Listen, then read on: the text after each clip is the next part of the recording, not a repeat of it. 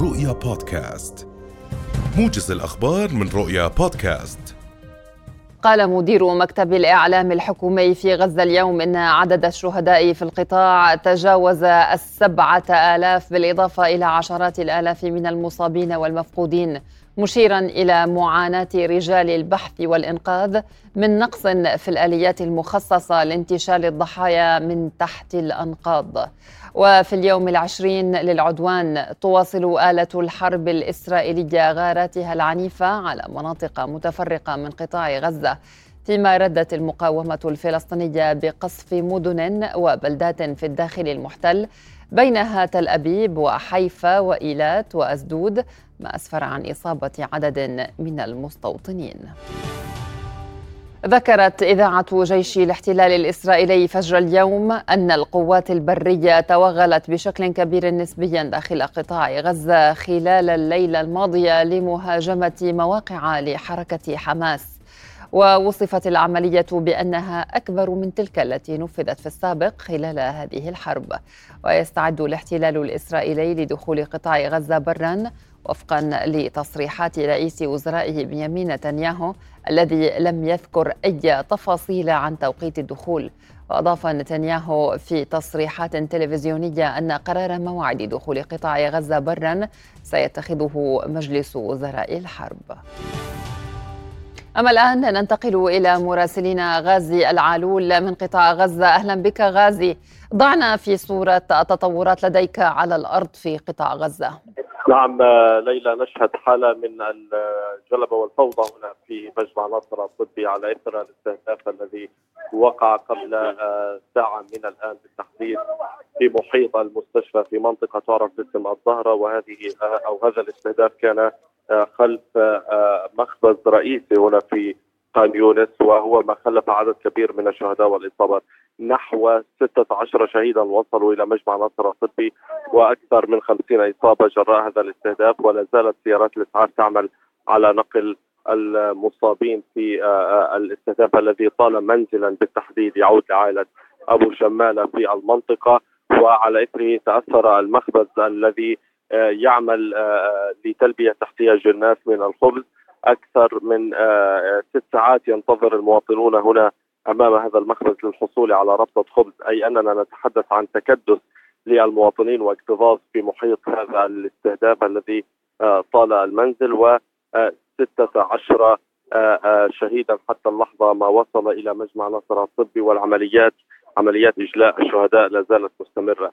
هنا آه، حالة الفوضى تفهم نتيجة آه، آه، التوتر بالاستهدافات المستمرة في محيط المستشفى خلال الأيام الماضية. يعمد الاحتلال على يعني ترويع وتخويف جميع المواطنين النازحين هنا نحو 40 ألف نازح في مجمع ناصر الطبي. أي أننا نتحدث عن مدينة كاملة موجودة داخل المستشفى حالة من الاكتظاظ مع كل استهداف ومع كل آه، طبعا آه، يعني قصف في المحيط وهناك خشية لدى المواطنين من أن هذه الاستهدافات من الممكن أن تطال آه، محيط المستشفى أكثر من مرة وأن أن تصيب المستشفى على غرار ما حدث في المستشفى العربي الأهلي المعمداني.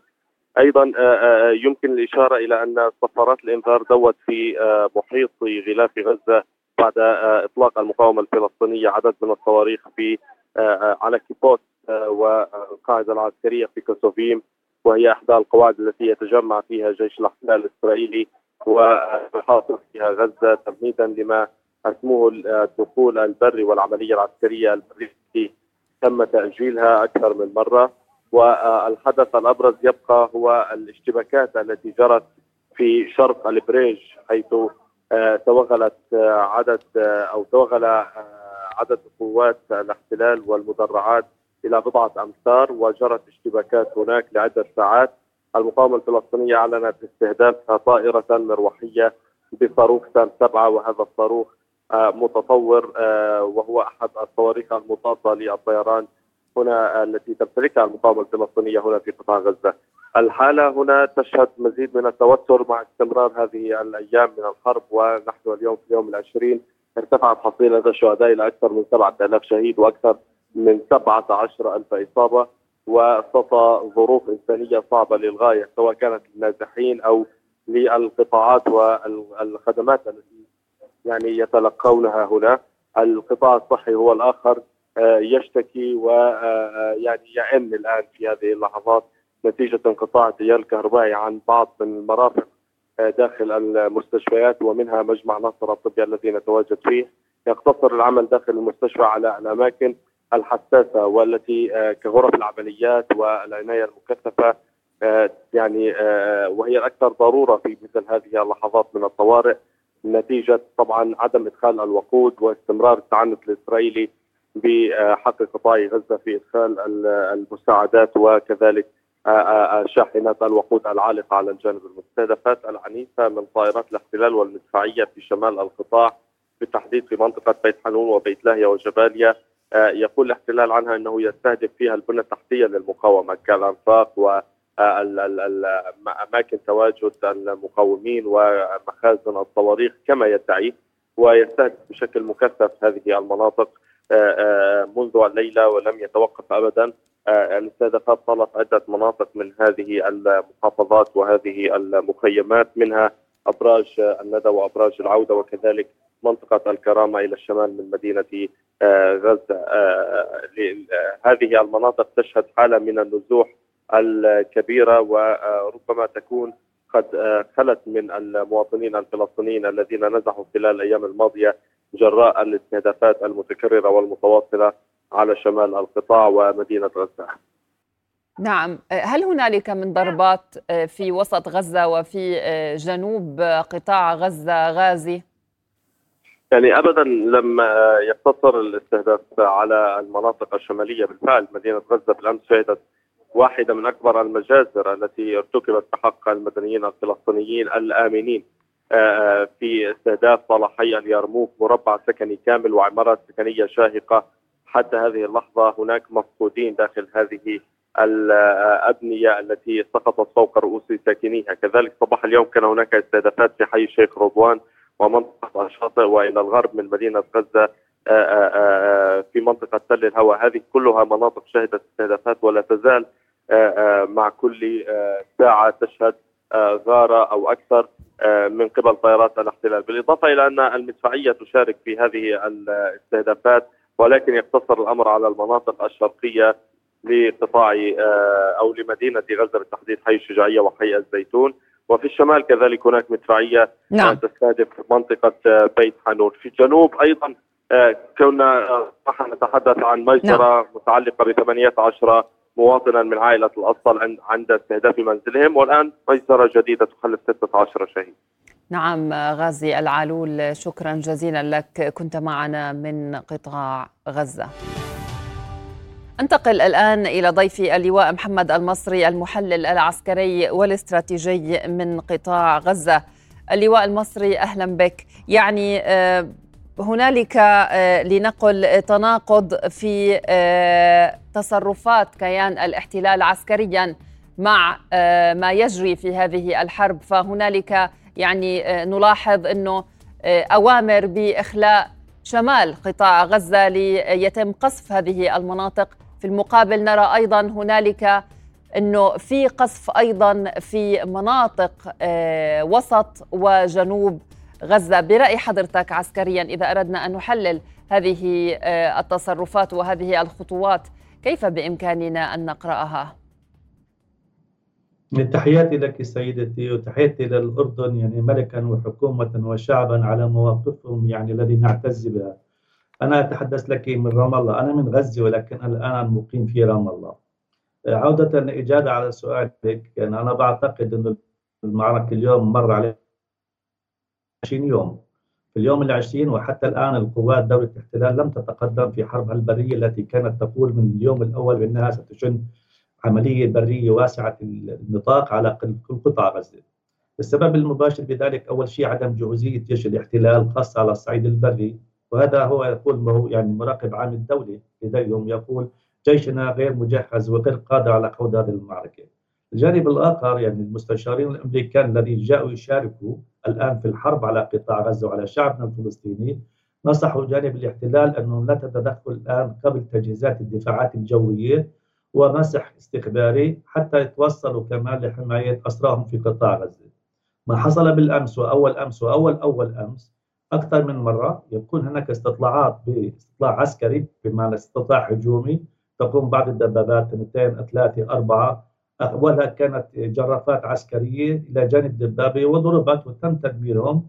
وسقط ضابط قتيل وثلاثة يعني جرحى. هذا اعتراف دولة العدو. ستستمر هذه العملية جس النبض في مناطق معينة من أجل يعني معرفة ما هي المنطقة الرخوة الذي ممكن الدخول منها. على الأغلب أن تكون الدخول يعني ساحل البحر إنزال بري ومن ثم يكون هناك شمال وشمال شرق قطاع غزة هذه المنطقة التي أصبحت ديموغرافيا تعداد السكان فيها قليل جدا. وحريه الحركة للدبابات تكون أكثر ولكن أنا أعتقد إنه طب لي يعني لنناقش موضوع حرية الحركة كيف ستكون الحركة حرة؟ ما دام حتى ملامح آه، غزة الجغرافية قد تغيرت بعد هذا القصف العنيف. نعم أنا كنت أكمل في إجابتي قد تكون إجابة على السؤال إنه صحيح إنه الجانب الجغرافي تغير وإنه هناك جزء من من نزحوا من الشمال للجنوب لكن هناك ركام عن نتيجه القصف الموجود أغلق كل الطرقات ولذلك هذه تعطي أكثر يعني أسبقية للمقاتلين يخرجوا من بين هذا الأنقاض من خلال أنفاق معينه وعمل كمان أو عملية اصطياد قناصين أو عملية تفجيرات وإلغام وأنا لذلك أقول إنه الكل حلفاء دولة الاحتلال من تعاون معهم ومن يشارك معهم بالعدوان ينصحوهم بأنه العملية البرية يجب أن تظهروا كثيرا حتى يرتبوا أوراقهم في ذلك. نحن نعيش حالة إنسانية صعبة جدا آه، بصراحة. يعني بمعنى الآن أكثر من 7000 شهيد وأكثر من 19000 جريح لدينا أيضا نفس العدد تقريبا تحت الأنقاض وتحت الأنفاق. حتى نكون صريحين كمان تعرضنا لضرب كبير من خلال يعني الحصار الغذائي اللي هو الماء والغذاء وحتى أكسجين الأطفال الذي يستخدم في المستشفيات ممنوع الدخول والنفط ممنوع دخوله في معاناة شديدة ولكن في صمود صمود إنه أفشلنا موضوع التهجير طبعا بثبات موقف شعبنا وبالدور الأردني الشقيق وأيضا الدور المصري والقيادة التي أصرت على وجود عدم وجود هجرة داخلية إلى خارج داخل فلسطين. لذلك أنا أقول إنه هذه المعركة بالبدايات ولم تكتشف لسه حتى الآن يعني ما هي مآلاتها السياسية والمآلات السياسية ستكون هي النتائج التي تحددها المعركة الميدانية. نحن لا نخاف الحرب البرية لسبب واحد إنه الحرب البرية ستكون أكثر يعني دمويه بالنسبة للاحتلال ستكون مصدر الدبابات وستكون أقل عنفا بالنسبة لنا لأنه ستحيد سلاح الجو في أثناء المعركة. لا يمكن أن يستخدم سلاح الجو في بس حمليات يكون لدي العدو أيضا دباباته في الميدان. لذلك نقول هذه المعركة في البدايات الكل يقول يحذر منها قد تنطلق من شرارتها من قطاع غزة إلى كامل فلسطين إلى كامل الساحات الخارجية وقد تكون حرب إقليمية، لذلك التردد الأمريكي في هذا المجال يحشد قواته واساطيله وبدل ما أن نقدم مبادرة سياسية أرسل لنا حملات الطائرات، هذا هو يعني آه، بايدن الذي يدعي الحريات والديمقراطية وحامل الحضارة العالمية. يرسل كل طائراته للشرق الأوسط من أجل حماية المستعمرة المتقدمة اللي هي دولة الاحتلال. نعم. نشكرك جزيل الشكر اللواء محمد المصري وحضرتك خبير ومحلل عسكري واستراتيجي. كنت معنا من رام الله. شكرا لك.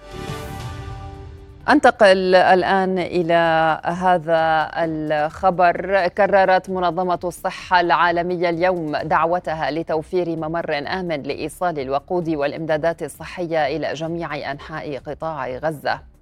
وقالت المنظمة عندما ينفذ الوقود سيفقد الأمل في إسعاف آلاف المرضى. إلى ذلك أكد المتحدث باسم منظمة الصحة العالمية الحاجة إلى ضمان وصول الوقود والإمدادات الطبية بشكل آمن إلى جميع مستشفيات غزة وفي جميع أنحاء القطاع. وحذر من أنه إذا لم يتوفر الوقود فإن ذلك سيؤدي إلى موت الأطفال الخدج.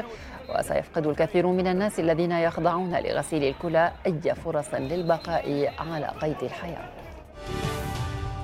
حذرت وكالة الأمم المتحدة لإغاثة وتشغيل اللاجئين الفلسطينيين أنها ستضطر إلى وقف عملياتها مع غزة مع استمرار رفض الاحتلال الإسرائيلي دخول الوقود إلى القطاع.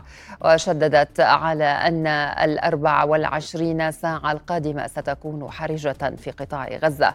وأعلنت الأونروا في بيان استشهاد ثلاثة من موظفيها العاملين في غزة ليرتفع إجمالي عدد الشهداء من العاملين في المنظمة إلى 38 موظفا منذ بداية العدوان الإسرائيلي على القطاع في السابع من تشرين الأول الجاري ونوهت المنظمة إلى أن 600 ألف فلسطيني قد نزحوا داخل غزة منذ بداية الحرب إلى الآن ويقيمون في 150 منشأة تابعة لها مشيرة إلى أن 40 من هذه المنشآت قد تضررت بفعل القصف الإسرائيلي على قطاع غزة. استخدمت روسيا والصين حق النقض الفيتو في مجلس الأمن الدولي ضد مشروع قرار صاغته الولايات المتحدة بشأن الحرب على غزة دعا إلى وقف مؤقت للقتال للسماح بوصول المساعدات الإنسانية وحماية المدنيين في القطاع. وطرحت الولايات المتحدة مشروع القرار مع تزايد الغضب العالمي من استمرار الأزمة الإنسانية المتفاقمة وارتفاع عدد الشهداء المدنيين في غزة. اتخذت أو اتخذت هذه الخطوة بعد أيام قليلة من اعتراضها على مشروع قرار طرحته البرازيل يركز على الشؤون الإنسانية بحجة أن هنالك حاجة إلى مزيد من الوقت للدبلوماسية التي تقودها الولايات المتحدة. وقال السفير الصيني لدى الأمم المتحدة تشانغ جون للمجلس بعد التصويت قال إن قرار المشروع لا يعكس الدعوات في العالم لوقف إطلاق النار وإنهاء القتال. ولا يساعد في حل القضية مشيرا إلى أن وقف إطلاق النار في هذه اللحظة. ليس لمصلحة دبلوماسية بل يعني حياة أو موت العديد من المدنيين. بهذا نكون قد وصلنا لنهاية موجزنا. إلى اللقاء.